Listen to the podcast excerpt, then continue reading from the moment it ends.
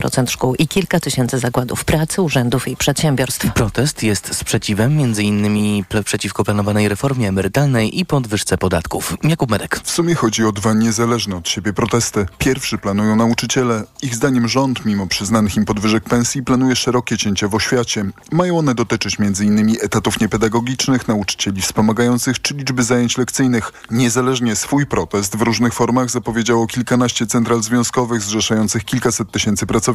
Część ma przerwać pracę na godzinę lub więcej, część na cały dzień. Związki planują też marsze protestacyjne, m.in. w Pradze. Rząd lekceważy strajk. Kolejni ministrowie powtarzają, że ma on podłoże polityczne, a strajkujący sami nie wiedzą, czego chcą. Planowane cięcia zaś mają być niezbędne, by poprawić finanse państwa. Jednak większość komentatorów ocenia, że do zaognienia sytuacji doprowadziła głównie fatalna polityka komunikacyjna rządu Petra Fiali. Jakub Medek, TOK FM. Kolejne informacje w TOK FM o 9.20, za chwilę magazyn EKG i Tomasz Setta. Teraz jeszcze prognoza pogody.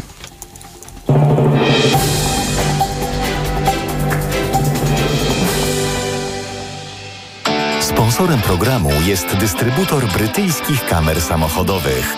Www.nextbase.pl Pogoda. Sporo dziś chmur w ciągu dnia z przejaśnieniami, ale słońce nie pojawi się na pewno. Na wschodzie i w centrum będzie padać śnieg, a nad morzem deszcz ze śniegiem. Minus 3 stopnie Celsjusza pokażą dziś termometry w Białymstoku, minus 1 w Lublinie, Warszawie i Olsztynie, 0 w Krakowie, Łodzi i Katowicach, plus 1 w Poznaniu, Bydgoszczy, Toruniu i Gdańsku, plus 2 we Wrocławiu. Teraz jeszcze raport smogowy. Sponsorem programu był dystrybutor brytyjskich kamer samochodowych www.nextbase.pl Sponsorem alertu smogowego jest japońska firma Daikin, producent pomp ciepła, klimatyzacji i oczyszczaczy powietrza www.daikin.pl. Gorsza jakość powietrza dziś w Świnoujściu, poza tym jest dobrze, tak jak w Warszawie, Krakowie i Katowicach i bardzo dobrze, tak jak w Gdańsku i Szczecinie. Kolejny raport smogowy w TOK FM po 17. Sponsorem alertu smogowego jest japońska firma Daikin, producent pomp ciepła, klimatyzacji i oczyszczaczy powietrza www.daikin.pl. Radio TOK FM. Pierwsze radio informacyjne. Sponsorem programu jest dystrybutor złota inwestycyjnego. Mennica Apart.pl EKG Ekonomia, kapitał, gospodarka. Tomasz Setta, dzień dobry. 6, prawie 7 minut po dziewiątej zaczynamy magazyn EKG. W studiu z nami pierwszy gość, Marek Wielgo, ekspert portali Rynek Pierwotny i GetHome.pl. Dzień dobry. Dzień dobry. Czy ceny mieszkań w Polsce mogą rosnąć w nieskończoność? Nie, na pewno nie. O, czyli mamy jakąś dobrą informację tak. z rynku nieruchomości. No, są jakieś, jakieś granice rozsądku, no bo y, y, y, jeżeli będą za drogie, ludzie przestaną je kupować. A my do tych granic rozsądku to w Polsce, w tych zwłaszcza dużych ośrodkach już się zbliżyliśmy, czy jeszcze jest tu najgorsze, jakaś przestrzeń? Tak, najgorsze jest to, że trudno określić ten, ten, ten moment, bo można na to spojrzeć e, z, z różnych stron. No, możemy na przykład porównać ceny mieszkań w Warszawie do cen mieszkań choćby w Pradze czy w innych stolicach Europy Środkowo-Wschodniej i wyjdzie na to, że, że jeszcze, e, że tak powiem, możliwości podwyżkowe są. Ale e, tak mówiąc y, bardziej poważnie, oczywiście to jest y, w dużym stopniu uzależnione od siły nabywczej y, mieszkańców danego miasta, od, od zarobków. Więc tutaj wydaje mi się, że zbliżamy się do takiego momentu, kiedy kupujący, zwłaszcza ci kredytowi, powiedzą stop, no po prostu nie będą mieli wystarczającej zdolności kredytowej, żeby takie mieszkania kupować. Oczywiście będą tacy, którzy mają pieniądze, którzy mają duże nadwyżki finansowe, wysokie zarobki i mm, ci ludzie będą kupowali mieszkania, natomiast dla tych mniej zamożnych myślę, że na początek y, y, no, będą skazani albo na przedmieścia, albo na aglomeracje, czyli miejscowości okalające największe metropolie. Tak, rozpocząłem pytaniem od, y, o, o te ceny nieruchomości, czy mogą rosnąć w nieskończoność, no bo nawet jeśli ktoś bardzo mocno nie interesuje się tym rynkiem, no to albo słyszy, albo widzi mm, te duże wzrosty cen, które miały miejsce w tym roku. Rozumiem, że to jest konsekwencja wprowadzenia tego tak zwanego bezpiecznego kredytu, czyli tego rządowego programu dopłat do kredytów mieszkaniowych. Bezpieczny kredyt 2%, który jest teraz obwiniany za, za wszelkie zło, on rzeczywiście doprowadził do, do zła, ale, ale trzeba też zwrócić uwagę na to, że on uruchomił dodatkowo ogromny popyt wśród osób, które z tego kredytu skorzystać nie mogą, albo które no, po prostu mają dużo pieniędzy i gdzieś te pieniądze chcą zainwestować ten kredyt zmobilizował te wszystkie grupy i taka powstała piorunująca mieszanka, która spowodowała, że podaż mieszkań czy oferta mieszkań gwałtownie się skurczyła w efekcie tego, że deweloperzy podnosili oczywiście ceny, ale równocześnie kurczyła się oferta tych mieszkań najtańszych, które najszybciej wypadały z tej oferty, to powodowało gigantyczny wzrost średniej cen metra kwadratowego. Bo rozumiem, że w puli zostają wtedy te mieszkania i większe, i droższe. Akurat mieszkania, mieszkania większe w przeliczeniu na metr kwadratowy są y, tańsze niż kawalerki na przykład. No bo jeżeli kawalerki wypadają, y, no to wtedy teoretycznie średnia powinna zmaleć, ale udział kawalerek w rynku jest stosunkowo nieduży. Natomiast y, mówiąc te najtańsze mieszkania, to oczywiście tak. Ostatnio robiłem taką analizę, z której wynika, że na przykład takich mieszkań do 400 tysięcy, o 300 tysiącach w Warszawie już zapomniły. Praktycznie to, to już chyba takich mieszkań nie ma.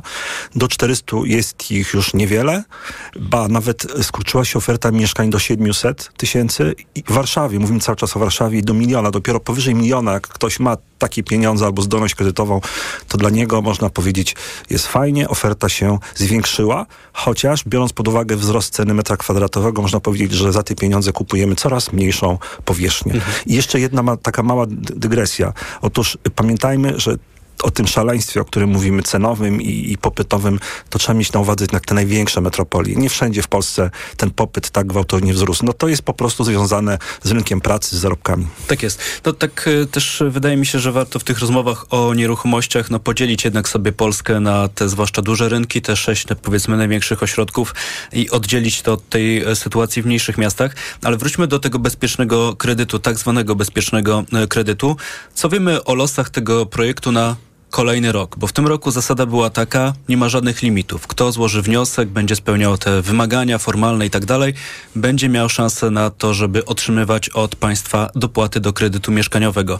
Tymczasem, przez to, że tych limitów na ten rok nie było, y, była zużywana pula pieniędzy przeznaczonych na 2024 rok. I pewnie częściowo będzie skonsumowana suma z 2025 roku. Tak duże jest zainteresowanie no, tym rozwiązaniem. Szacuje się, że w tym roku do końca roku ponad 60 tysięcy osób skorzysta z tego kredytu.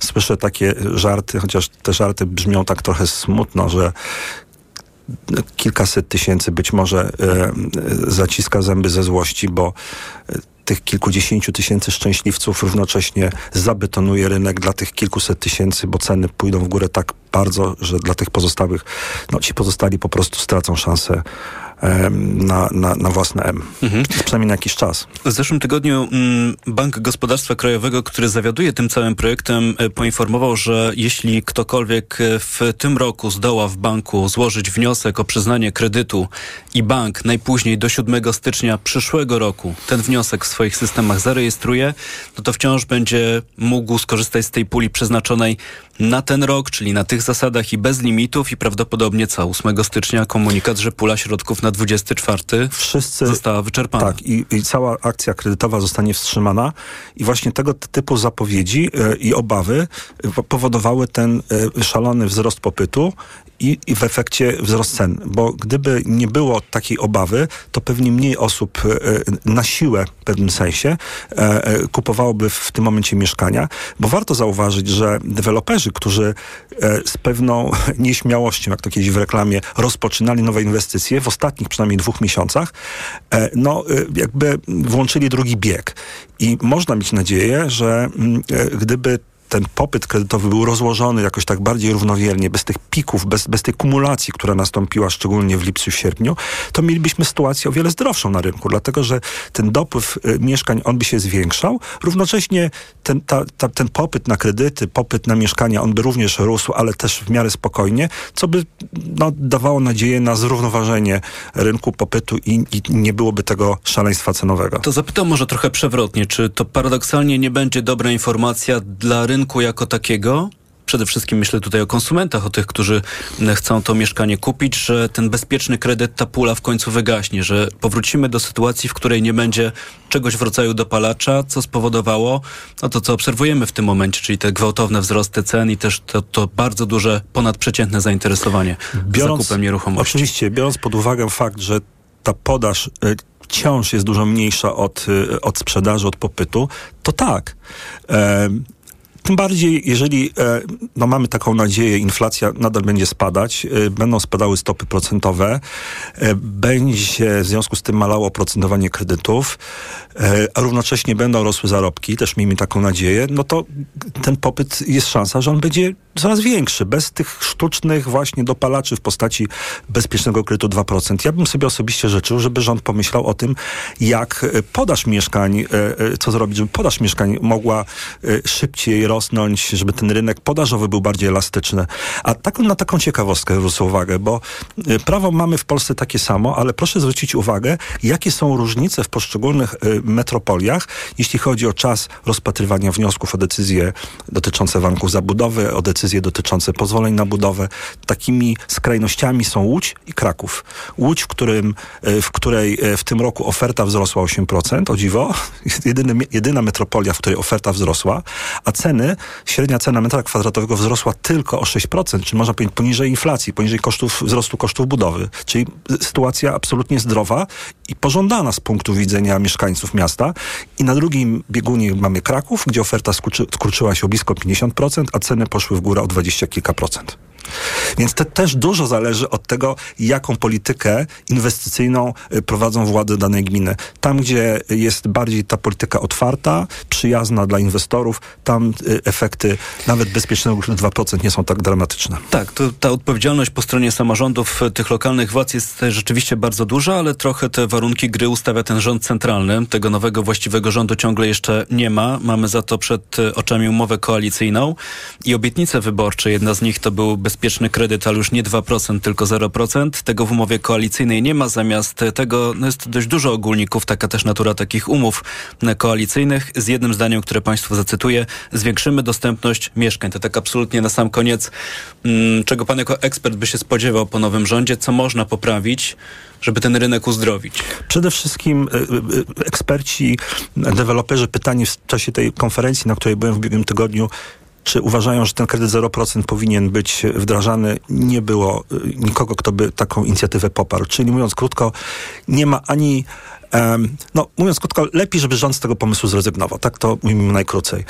E, wydaje mi się, czy jestem przekonany, że y, cała, cała moc powinna pójść jednak e, w stronę e, pomocy tym osobom, które są w tak zwanej luce czynszowej, których nie stać na na kredyt y, y, zwykły, komercyjny, nie stać ich nawet na komercyjny najem a nie są z kolei, jakby zarabiają zbyt dużo, żeby dostać mieszkanie o gminy, czyli TBS-y, czy tam SIM-y, które y, ostatnio powstawały, to jest chyba taki, taki model, który na ten moment należałoby rozwijać najszybciej. Który w Polsce jest, tylko jego skala wciąż pozostawia wiele do życzenia. Tak, tak, zdecydowanie tak. I bo co, brakuje pieniędzy? E, zawsze brakowało pieniędzy. Też potrzeba czasu. No tak, no bo rzeczywiście e, e, to tutaj trzeba uczciwie powiedzieć, że to zarządów Platformy został zlikwidowany Krajowy Fundusz Mieszkaniowy, który dotował budownictwo społeczne czynszowe. On później został jeszcze w rządzie Ewy Kopacz jakby reaktywowany na nieco innych zasadach, no ale te kilka lat wystarczyło, żeby mocno wyhamować inwestycje TBS-owe.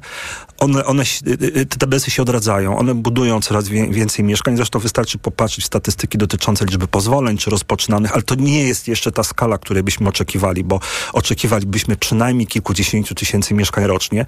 No i gdyby mm, znalazły się na to pieniądze w budżecie państwa, na, na, na właśnie finansowanie y, TBS-ów, to jest szansa, że dojdziemy do takich efektów. No i tymi wskazówkami dla nowego rządu, chociaż chyba nie dla tego rządu, który poznamy dzisiaj w Pałacu Prezydenckim, no 16.30. E, kończymy tę rozmowę i nasze spotkanie. Bardzo dziękuję. Dziękuję. Marek Wielgo, ekspert portali Rynek Pierwotny i gethome.pl był Państwa gościem. Jest 9.17. Informacje, po nich wracamy. EKG. Ekonomia, kapitał, gospodarka. Sponsorem programu był dystrybutor złota inwestycyjnego. Mennica Apart.pl Autopromocja. Śmielej! Stand-uperzy o polityce. Bezkompromisowo i bez cenzury. O powyborczej rzeczywistości. Rzeczywistość. Zaprasza Kamil Śmiałkowski. W najnowszym odcinku udział wzięli Abelard Giza i Kacper Ruciński. Śmielej! Tylko w Tok FM Premium. Posłuchaj na tokefm.pl lub w aplikacji mobilnej Tok FM. Autopromocja. Reklama. Teraz w euro. Dwie raty gratis i do kwietnia nie płacisz. 30 rat 0% na cały asortyment. RRSO 0%. Nie dotyczy produktów Apple, kart podarunkowych i kodów aktywacyjnych. Promocja tylko do czwartku. Regulamin w sklepach i na euro.com.pl Barbara, ja jestem gotowy. Ale na co, Marian?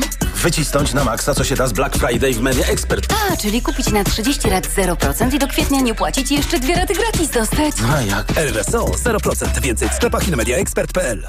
Ho, ho, ho! Teraz w Leroy Merlin w prezencie na święta zwracamy w klubie 150 zł na kupon za każdy wydany tysiąc na dowolne produkty.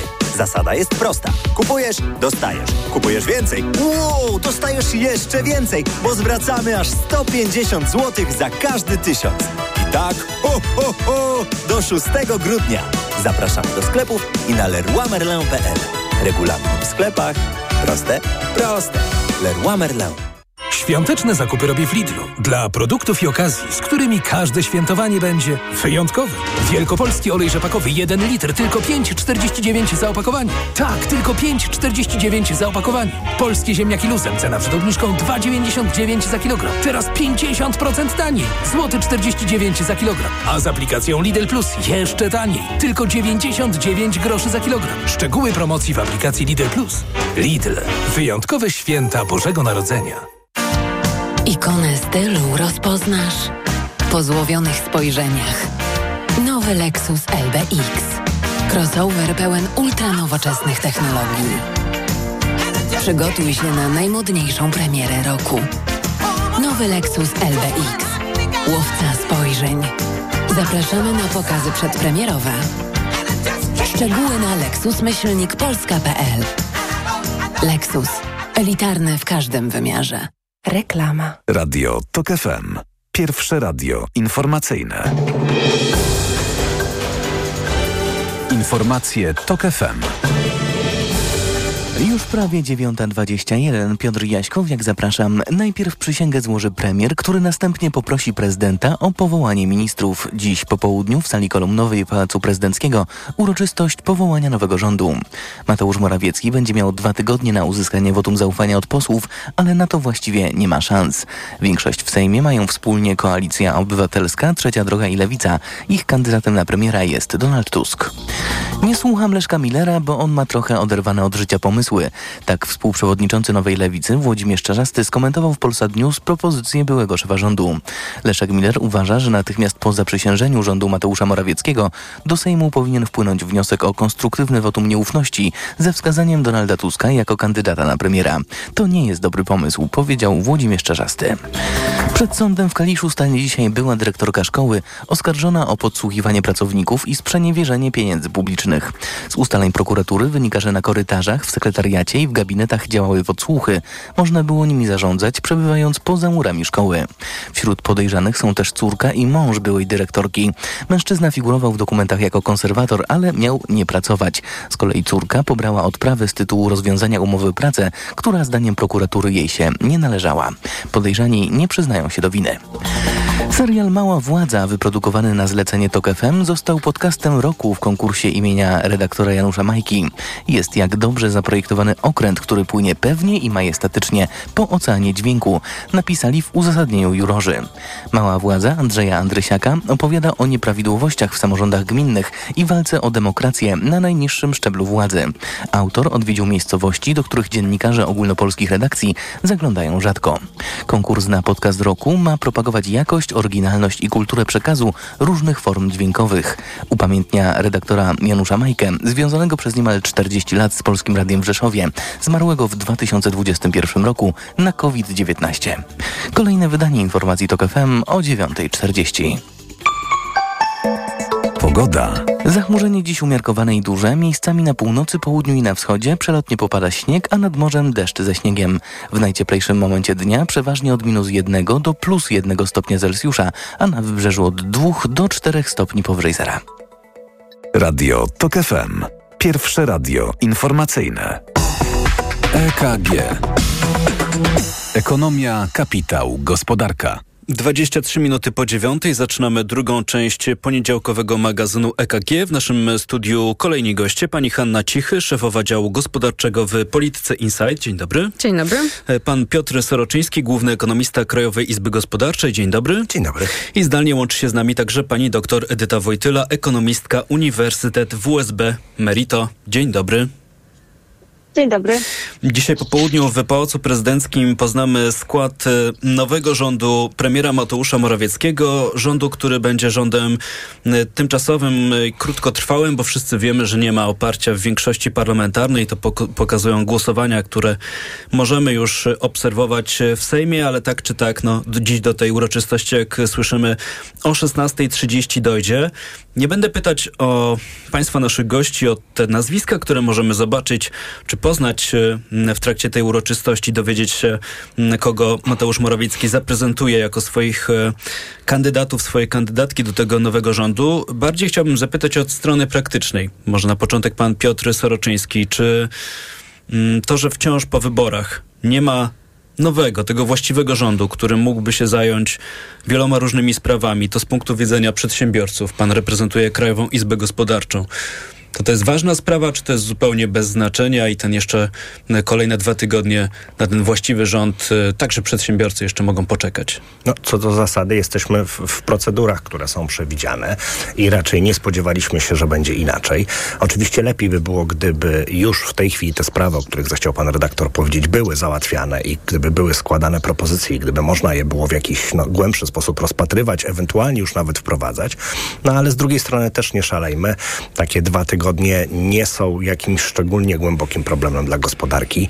No i wydaje mi się, Teraz że, dwa tygodnie, ale od wyborów do tej połowy grudnia, bo wtedy już być może będzie szansa na zaprzysiężenie tego właściwego rządu, mówię właściwego, tego, który wyłoni się z większości parlamentarnej, no to będą dwa miesiące od daty wyborów. No jeszcze mógłby pan redaktor dołożyć, że w takim bardzo specyficznym momencie, kiedy jest końcówka roku, trzeba było porozmawiać o ostatecznym kształcie budżetu, o, o, o, A o, o tym jeszcze powiemy. sprawach, które, które będą do niego włożone albo wyjęte w, w przyszłym roku, żeby on się dał spiąć albo, albo nie?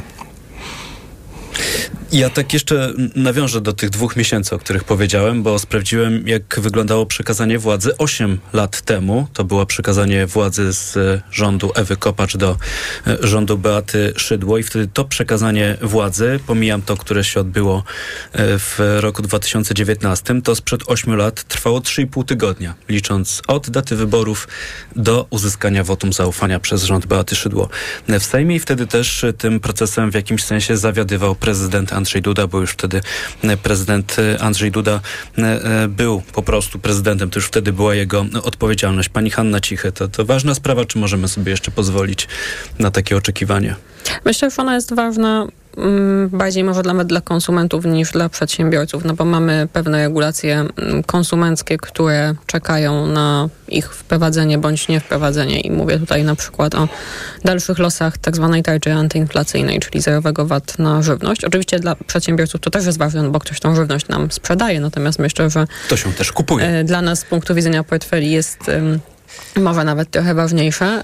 Tak samo kwestia cen energii. No tutaj mm, to już będzie z jednej strony mm, Urząd Regulacji Energetyki sobie działa w wyznaczonych terminach i e, ma wnioski, rozpatruje je. Pewnie niedługo poznamy jakieś decyzje, no ale e, pewnie przydałaby się, czy przydała Zakładam, że jednak nowy rząd będzie chciał wprowadzić jakąś regulację, no i będzie mieć na to bardzo mało czasu, no i znowu będziemy mieć jakieś zamieszanie pod tytułem, że w styczniu na przykład dostaniemy rachunki większe, a dopiero w lutym jakieś wyrównanie, bo ustawa wejdzie w życie za późno.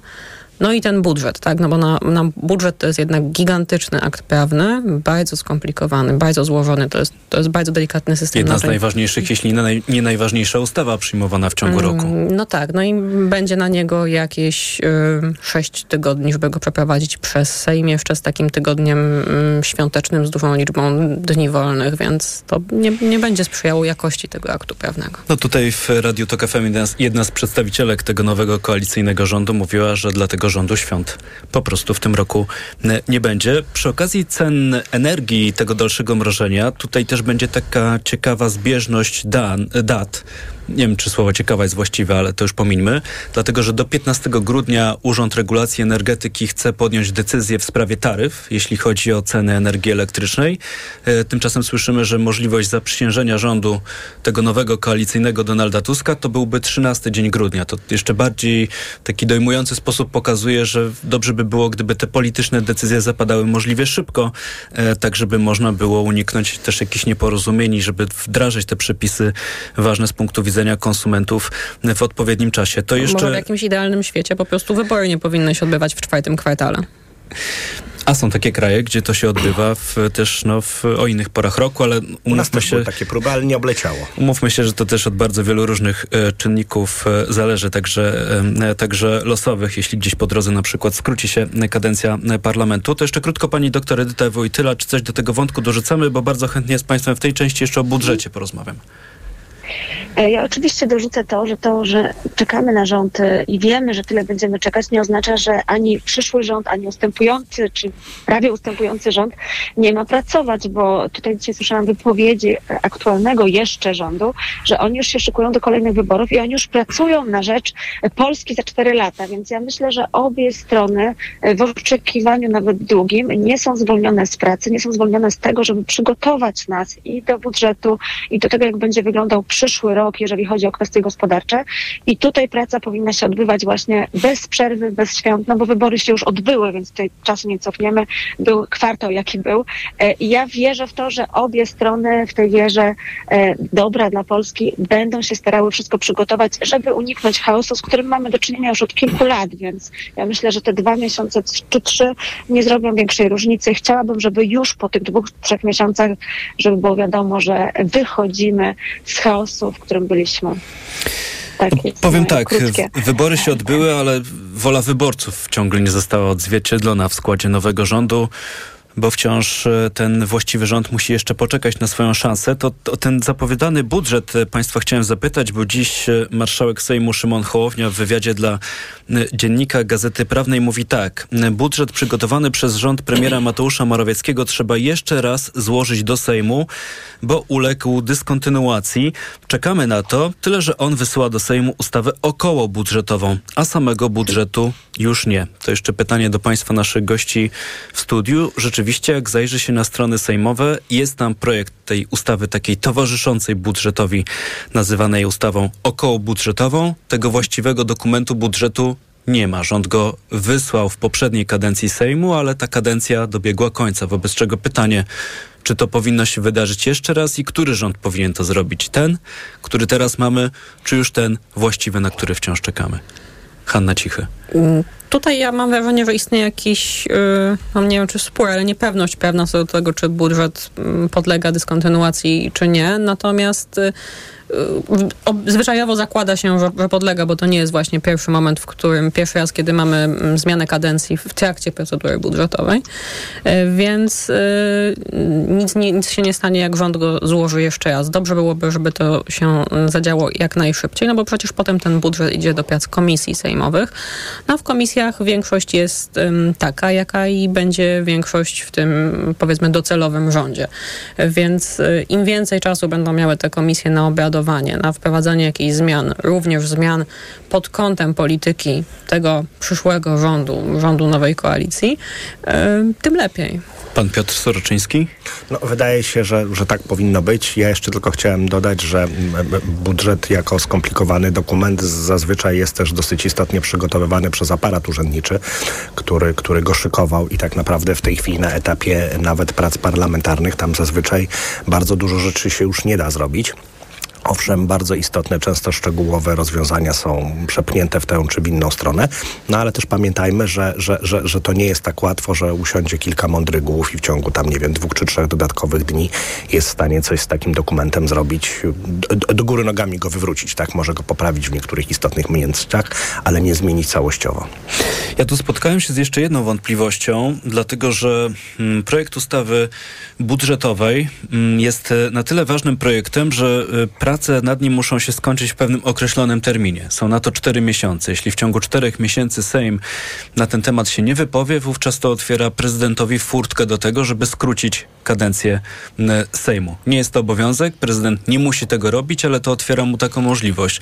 I spotkałem się z co najmniej dwoma interpretacjami. Pierwsza jest taka, że wiążący jest termin, kiedy to rząd Mateusza Morawieckiego po raz pierwszy złożył projekt tego budżetu i zgodnie z tą interpretacją te cztery miesiące już biegną. No i data, czy ten termin kończy się 30 stycznia. Druga interpretacja, jest taka, że ten termin czteromiesięczny biegnie jeszcze raz od momentu, kiedy rzeczywiście ten faktyczny projekt zostanie złożony. Wiemy, że w tej kadencji nie ma jeszcze żadnego projektu, więc e, pytanie, czy jeśli w połowie grudnia nowy rząd złoży taki projekt, to, to automatycznie wydłuża mu e, ten termin. Pani Hanna Cichy. Na miejscu parlamentarzystów wolałabym nie sprawdzać empirycznie, mm, która z tych hipotez jest prawdziwa i, czy prezydent 30 stycznia, Czyli czy jakkolwiek by nie było, lutego, żeby zmieścić się do końca stycznia, tak? Tak. tak.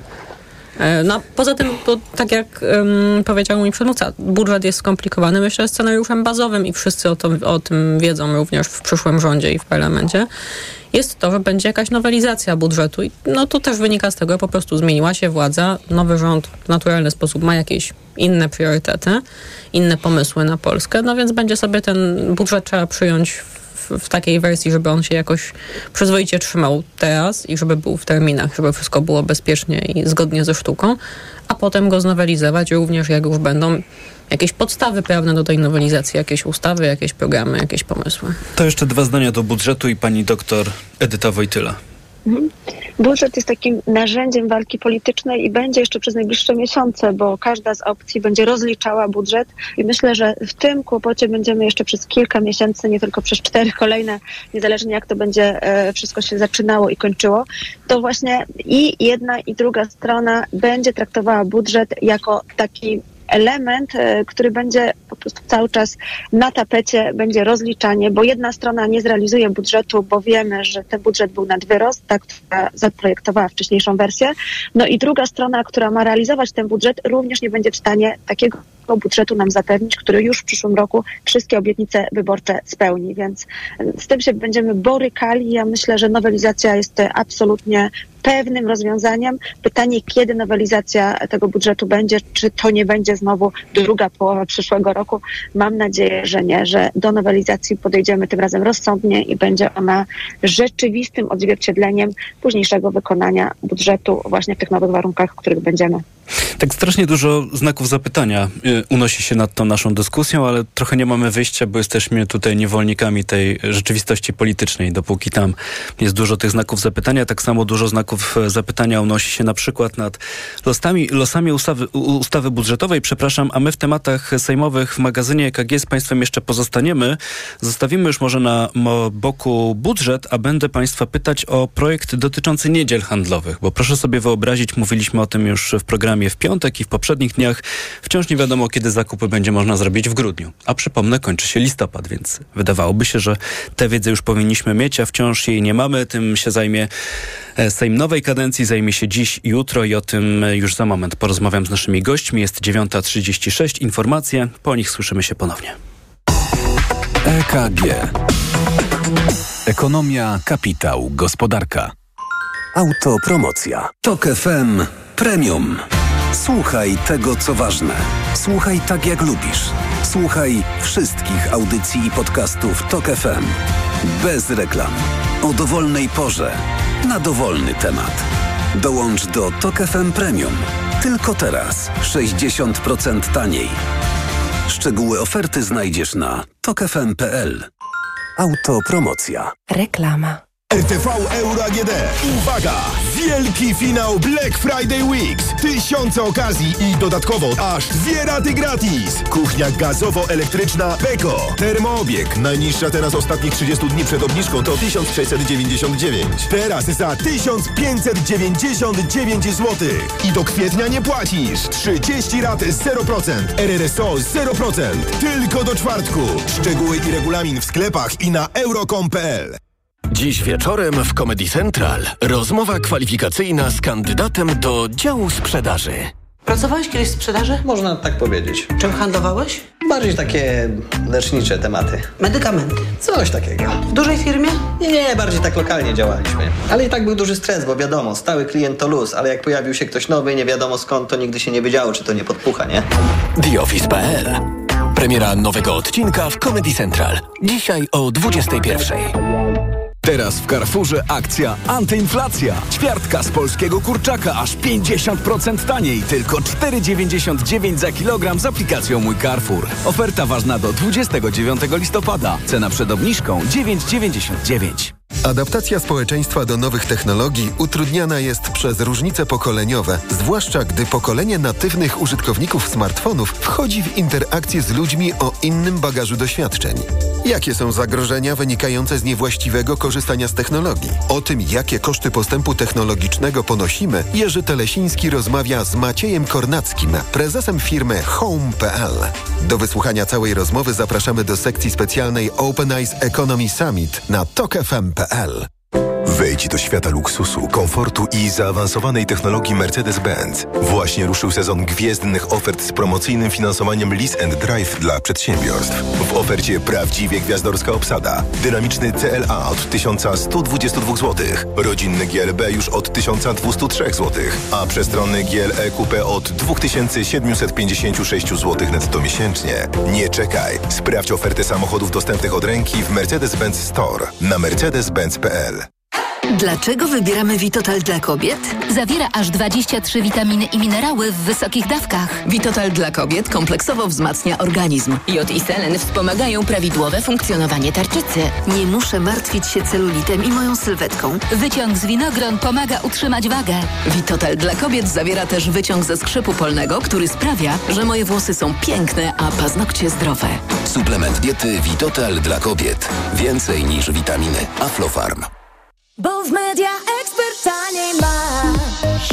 O tak, taniej masz. W Media Expert przedłużamy Black Friday. Na przykład iPhone 12 biały 128 giga. Najniższa cena z ostatnich 30 dni przed obniżką 3849 zł 99 groszy. Teraz za jedyne 2999 z kodem rabatowym taniej aż o 850 zł. Bo w Media Expert taniej masz. Black Friday w MediaMarkt. Wielki finał. Odkryj najlepsze okazje roku. 10-calowy tablet Apple iPad. Taniej o 120 zł. Najniższa cena z ostatnich 30 dni przed obniżką to 1719 zł. MediaMarkt. Reklama. Radio TOK FM. Pierwsze radio informacyjne. Informacje TOK FM. Dochodzi 9.41. Piotr Jaśkowiak, zapraszam. Hamas chce przedłużyć zawieszenie broni w wojnie z Izraelem. W grę wchodzi przerwa w walkach trwająca od dwóch do czterech dni. Organizacja rządząca strefą gazy oferuje uwolnienie kolejnych zakładników w zamian za wypuszczenie kolejnych palestyńskich więźniów przez władze w Tel Awiwie. O dłuższym rozejmie prezydent Stanów Zjednoczonych rozmawiał z premierem Izraela. Benjamin Netanyahu powiedział, że jest gotowy, by przedłużyć zawieszenie broni. Według zasady za każdy następny dzień Hamas ma wypuścić 10 zakładników. Przerwa w walkach kończy się jutro. To są informacje TOK FM. Wszyscy wiedzą, że szanse premiera Mateusza Morawieckiego na stworzenie rządu są niewielkie, mówi szef gabinetu prezydenta w wirtualnej Polsce. Andrzej Duda zaprzysięży dzisiaj nowy gabinet dotychczasowego premiera, choć Prawo i Sprawiedliwość nie ma już większości w Sejmie. Marcin Mastalerek widzi sens w decyzji szefa rządu, który podjął się misji, mimo tego, że niemal na pewno nie dostanie wotum zaufania. Taka akcja może przynieść profity w przyszłości i to zakotwiczenie pewnych spraw na przyszłość i pokazanie alternatywy, mówi szef prezydenckiego gabinetu. Nie znamy na razie składu trzeciego rządu Mateusza Morawieckiego. Prawo i Sprawiedliwość zapewnia, że nie będzie w nim polityków z pierwszego szeregu. Prokuratura po raz drugi umorzyła śledztwo w sprawie rzekomego znieważenia polskiego godła na wystawie w Radomiu. Chodzi o pracę Orlica, grupy artystycznej Łódź Kaliska, przedstawiającą nagą kobietę ze skrzydłami i ogonem orła na czerwonym tle. Śledztwo zostało umorzone wobec braku znamion czynu zabronionego, powiedziała rzeczniczka prokuratury okręgowej w Radomiu. Postępowanie w tej sprawie już raz zakończyło się umorzeniem. Prokurator generalny Zbigniew Ziobro nakazał wówczas sprawdzić, czy decyzja śledczych była prawidłowa. W Krakowie stanęły automaty z jedzeniem dla ptaków. Tak zwane kaczkomaty wydają karmę bezpłatnie cztery razy na godzinę. Zarząd Zieleni Miejskiej radzi, by korzystać z nich tylko podczas mrozów i nie wrzucać pokarmu do wody. Przypomina też, by nie dokarmiać ptaków chlebem, bo to kaczkom szkodzi. Więcej informacji w TOK FM o 10. Pogoda. Minus 3 stopnie Celsjusza dzisiaj w Białymstoku, minus 1 w Warszawie i Lublinie, w Łodzi, Krakowie i Katowicach 0, w Poznaniu i Gdańsku plus 1, a we Wrocławiu 2 stopnie powyżej zera. Pochmurno, przelotny śnieg na północy, na południu i na wschodzie, a deszcz ze śniegiem nad morzem. Radio TOK FM. Pierwsze radio informacyjne. Reklama. Ania, moja ulubiona wnuczka, która zawsze o babci pamięta. Oj, babciu, po prostu mieszkam najbliżej. Jedziemy na zakupy? Najpierw do apteki. Wykupić leki? Nie, zaszczepić się przeciw grypie. Sezon zaraz się zacznie, a ja lubię mieć zdrowie pod kontrolą. Można zaszczepić się w aptece? No tak, Basia już się zaszczepiła. No to w drogę. Zaszczep się przeciw grypie. Teraz również w aptece. www.szczepieniaprzeciwgrypie.pl Reklama. Sponsorem programu jest dystrybutor złota inwestycyjnego. Mennica Apart.pl EKG. Ekonomia, kapitał, gospodarka. 9.44 zaczynamy trzecią część poniedziałkowego magazynu EKG. Przypomnę, że Państwa goście to dziś pani Hanna Cichy, pan Piotr Soroczyński i pani Edyta Wojtyla. Na początek tej części programu coś w rodzaju zdziwienia, przy czym będzie to, pozwolą Państwo, zdziwienie moje. Zdziwienie dotyczy niedziel handlowych, dlatego że wszyscy wiemy już od dobrych kilku lat, że w grudniu takie niedziele handlowe powinny być dwie. No ale pojawił się kalendarzowy kłopot, że w tym roku tak się składa, że jedna z tych niedziel wypada, wypada w Wigilię.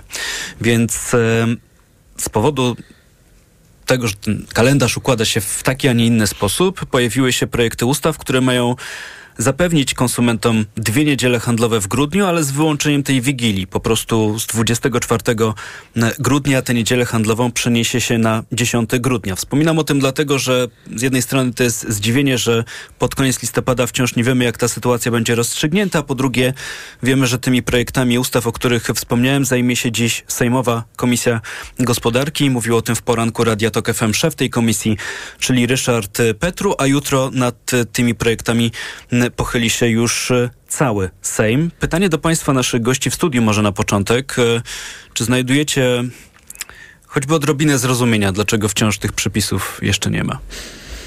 Hanna Cichy. No nie sposób jest y, znaleźć takie zrozumienie, bo y, o tym, że ta Wigilia wypada w niedzielę było wiadomo od bardzo dawna, bo takie rzeczy da się policzyć w kalendarzu, no ale powiedzmy, że w najgorszym możliwym razie od początku roku, kiedy y, minister rozwoju wziął sobie swój nowy kalendarz na biurku przejrzał i, i to zobaczył, więc Bo ten minister to... rozwoju, proszę wybaczyć, że wejdę w słowo, już w czerwcu powiedział, że Wigilia będzie wolna od pracy. Już w czerwcu. Ustępujący w tym momencie rząd, wówczas urzędujący minister rozwoju Waldemar Buda, już wtedy wiedział i to zapowiedział, także partnerom społecznym. A projekt dziwnym trafem wysłano dopiero po no, wyborach. No więc ja to powiem może trochę górnolotnie, ale to pokazuje szacunek y, rządu do ludzi pracy. No bo jednak y, i pracownicy chcieliby wiedzieć, czy oni pracują 24 czy 10, a jak 10, to do której. Ich pracodawcy chcieliby wiedzieć, ile muszą zamówić y, towaru, jak zorganizować y, grafik y, zatrudnienia. No już nie mówiąc o, o klientach, gdzie jak ktoś dużo pracuje do późna w tygodniu, czy ma jakieś inne obowiązki, no to też chciałby sobie zaplanować, kiedy te zakupy w grudniu zrobi. No, po co, skoro można to zrobić na ostatnią chwilę i, i jakoś to będzie. Mówiła Hanna Cichy. Powiedziałem Państwu, że są w tej sprawie e, projekty. Projekty są dwa. Pierwszy jest rządowy, drugi przygotowany przez Polskę 2050. E, oba mają podobne założenie, czyli ta niedziela z 24 przechodzi na 10 dzień grudnia, tylko różnice są co najmniej dwie pomiędzy tymi projektami. Po pierwsze projekt rządowy dotyczy tylko tego roku, projekt Polski 2050 jest uniwersalny, to znaczy w ten sam sposób będzie rozstrzygać wszystkie niedziele, które będą w kolejnych latach wypadać akurat w Wigilię. Jest jeszcze jedna chyba bardziej istotna różnica, to znaczy rządowy projekt zakłada, że niedziela 10 grudnia, no ona będzie wyglądać tak jakby to była Wigilia, czyli sklepy się zamkną o godzinie 14. W projekcie Polski 2050 czegoś takiego nie ma. Sklepy mogłyby być otwarte w pełnym wymiarze. To jeszcze pan e, Piotr Soroczyński. Dopytam o, o, o to, bo wydaje się, że skoro w nowym Sejmie mamy nową większość, to chyba mm, ta druga propozycja, o której wspomniałem, czyli pomysł Polski 2050 ma większe szanse na realizację.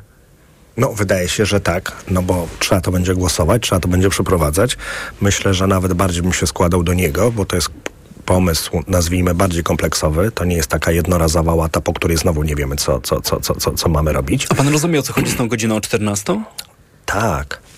Znaczy ja Wydaje rozumiem, mi że się, gdyby była wypadała w rozumiem. Wigilię, to do, do wtedy by pracowali pracownicy, ale mówimy o zupełnie innej niedzieli. Tak, więc wydaje się, że, że, że no to jest... Znaczy jeszcze raz, czy mógłby, zechciał pan redaktor powiedzieć, że miało być właśnie zniesiona ta 14, czy miało być Nie, cały plan jest dzień? taki, że cały dzień. Plan jest Że taki, to że, jest prostu jeśli tak przeniesiemy tę niedzielę z Wigilii na 10 grudnia, na 10 dzień grudnia, no to wtedy sklepy będą otwarte do godziny 14. Już A to to 10 mnie akurat grudnia. Nie. będziemy funkcjonować tak, jakby to była Wigilia. Chociaż wcale Wigilią nie jest. Jeszcze będą dwa tygodnie. Nie, nie, to zdecydowanie nie. To akurat w tej szczególe nie. No dobrze, to skoro tak wywołałem te zdziwienia, to, to może do tych zdziwień, zdziwień e, przejdziemy i pani doktor Edyta Wojtyla na początek, co panią dziwi. E, może być też jakiś komentarz w sprawie tych niedziel, chociaż chyba powiedzieliśmy już wszystko. Znaczy, jakbyśmy mieli tylko takie problemy jak niedziele handlowe, to chyba bym była szczęśliwa E, i cieszę się, że nie można zmienić ustawą kalendarza, bo być może byśmy nad tym debatowali, jak zmienić Wigilię, żeby nie była w niedzielę. E, A moje zdziwienie jest bardzo pozytywne, właściwie to nie jest zdziwienie, tylko chciałam zwrócić uwagę na coś, że polityka polityką, a gospodarka swoje. Ostatnio pojawiły się świetne dane dla polskiej gospodarki, świetne dane e, w kontekście takim, że cały czas mówiliśmy o tych złych wskaźnikach, które się pojawiały, a mianowicie wzrosła sprzedaż, dynamika sprzedaży detalicznej. Pierwszy raz od kilku miesięcy kupujemy więcej. Konsumpcja też się poprawiła, poprawiły się nastroje konsumentów. PKB kwartał do kwartału i roczne też już nie jest w regresie. Dynamika PKB też jest na plusie, więc te wszystkie pozytywne rzeczy dzieją się na koniec roku i oprócz tego, czy będziemy handlować, kupować w niedzielę, no to chciałabym zwrócić uwagę jeszcze na jedną rzecz. Wynagrodzenia e, te średnie oczywiście, te wydane GUS, które nie są precyzyjne i pokazują tylko wynagrodzenia w dużych przedsiębiorstwach, znacznie e, już są wyższe, czy ten wzrost wynagrodzenia jest wyższy niż poziom inflacji, więc e, takimi dobrymi rzeczami chciałam się podzielić dzisiaj, bo zazwyczaj mówimy tylko o tych fatalnych wskaźnikach i o tym, że gospodarka no niestety nie kręci się tak, jakbyśmy chcieli, więc jak wyjdziemy z tymi danymi w przyszłym roku i tak to się będzie kręciło, no to może żadna polityka już nam nie zaszkodzi. Myślę, że to nie jest tak, że zazwyczaj mówimy o fatalnych wskaźnikach, tylko tak no, po prostu relacjonujemy, jaka jest rzeczywistość i nie możemy się na nią obrażać. Jeśli dane są złe, to trzeba się po prostu z nimi zmierzyć. Ale to jeszcze krótkie pytanie do pani doktor, bo to rozumiem jest taki zbiór danych, które mają dowodzić tego, że w Polsce zaczyna się jakieś gospodarcze ożywienie. Pytanie, jak długo pani zdaniem będziemy te pozytywne dane obserwować? Czy to się za moment nie skończy? Czy ja bym powiedziała, że nie tyle, że gospodarcze ożywienie w Polsce się zaczyna, ale gdzieś ten punkt dolny, gdzieś to załamanie, które widzieliśmy w ostatnich kwartałach, miesiącach, e, ma swój koniec. To znaczy, że moglibyśmy się teraz odbijać od tego dna, które już osiągnęliśmy i jeżeli wszystko dobrze pójdzie, to wszelkie znaki pokazują, że w przyszłym roku będziemy pieli się ku górze, jeżeli chodzi o dynamikę właśnie tą pozytywną we wskaźnikach, które byśmy chcieli widzieć na plusie. No i gdzie będzie mniej, tam będzie mniej, ale te wskaźniki, e, tak jak inflacja, chcielibyśmy widzieć, że będzie mniej.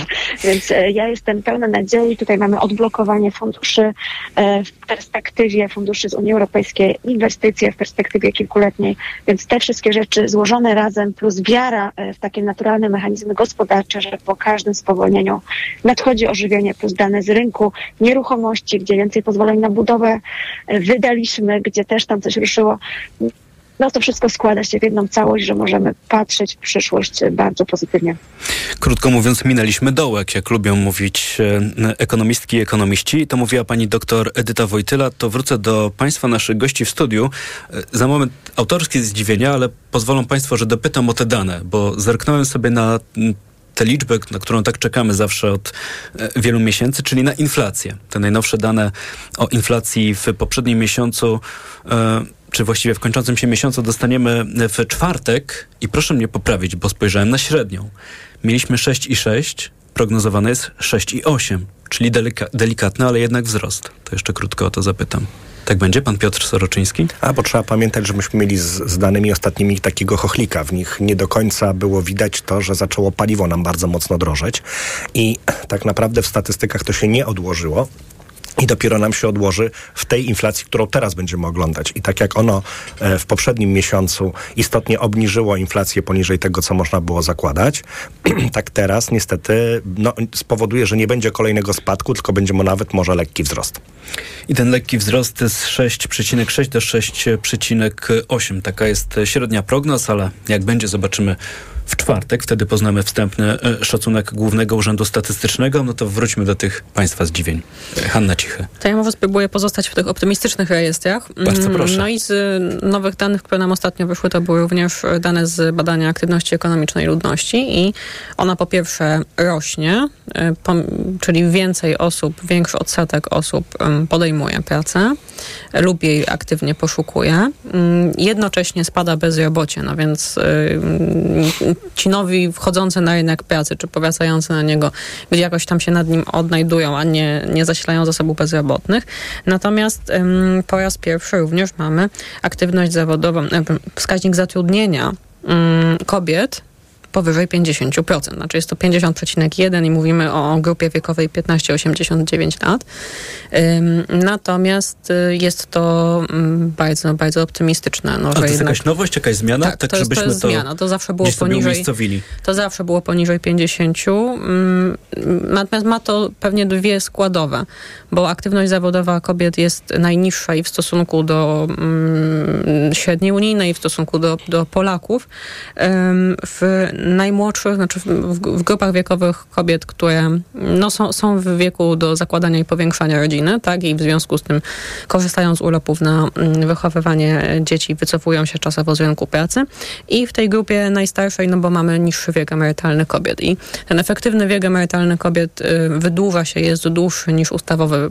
Polki pracują średnio tam do 61 z czymś tam roku życia. To jest pozytywne.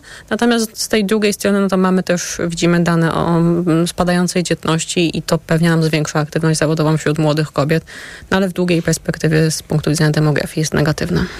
O czym mówiła Hanna Cichy?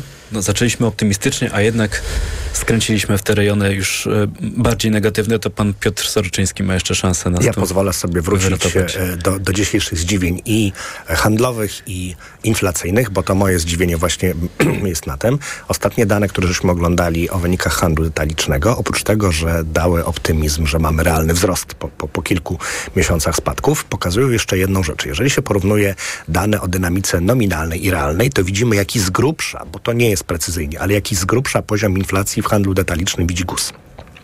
Jakbyśmy popatrzyli na dane sierpniowe, to było 6, wrześniowe 4%, a teraz już jest tylko 2. To znaczy, że handlowcy, zgodnie z naszymi hasłami z wielu audycji, na tyle coś zrobili z cenami, że my, konsumenci, wreszcie byliśmy gotowi pójść do sklepów i wreszcie kupić trochę śmielej niż do tej pory, bo stwierdziliśmy, że ceny już są takie bardziej akceptowane dla nas. Inflacja w handlu detalicznym spada szybciej niż w całym tym, w, w całości cen konsumenckich. Ale to jeszcze dla porządku powiedzmy i proszę mnie poprawić. Rozumiem, że sprzedaż detaliczna, ta informacja o naszych zakupach, to też jest siłą rzeczy wycinek danych o inflacji, bo Tak. w tych danych ze sprzedaży detalicznej nie ma usług na przykład. Nie ma usług, nie ma dużej ilości towarów, no bo jakby ktoś chciał węgla na opał kupić, no to oczywiście też musi go kupić gdzie indziej, a nie w handlu detalicznym. Jasne, to tak dla porządku, żebyśmy też wiedzieli, z czego wynikają te, te, te różnice, żeby nie, nie ma zostawić... bazarków, jakichś takich najmniejszych obiektów handlowych. Tam więc są to jest raczej te duże, tam jest ta, ra, ra- raczej ta duża sieciowość handlowa. I tym sposobem od handlu zaczęliśmy i na handlu kończymy. Dotarliśmy do końca magazynu EKG. Bardzo dziękuję za to spotkanie. Hanna Cichy, Polityka Insight, Piotr Dziękuję. Soroczyński, Krajowa Izba Gospodarcza Dziękuję. i doktor Edyta Wojtyla, Uniwersytet WSB Merito byli dziś e, Państwa e, gośćmi. Za moment dziesiąta, czyli informacje w Radiu TOK FM. E, Tomasz Setta. Dobrego Państwu dnia życzę i do usłyszenia. EKG. Ekonomia, kapitał, gospodarka. Sponsorem programu był dystrybutor złota inwestycyjnego. Mennica Apart.pl Lista przebojów TOK FM. Jakie radio? Taka lista. TOK 4. Bardzo cenię Państwa komentarze i uwagi, natomiast zwracam też uwagę z mojej perspektywy, że stają się odrobinę monotematyczne. Zachęcam do większej oryginalności, pracy intelektualnej. Obrazić też trzeba umieć. Lista przebojów TOK FM. Słuchaj i głosuj na portalu informacyjnym tokefm.pl.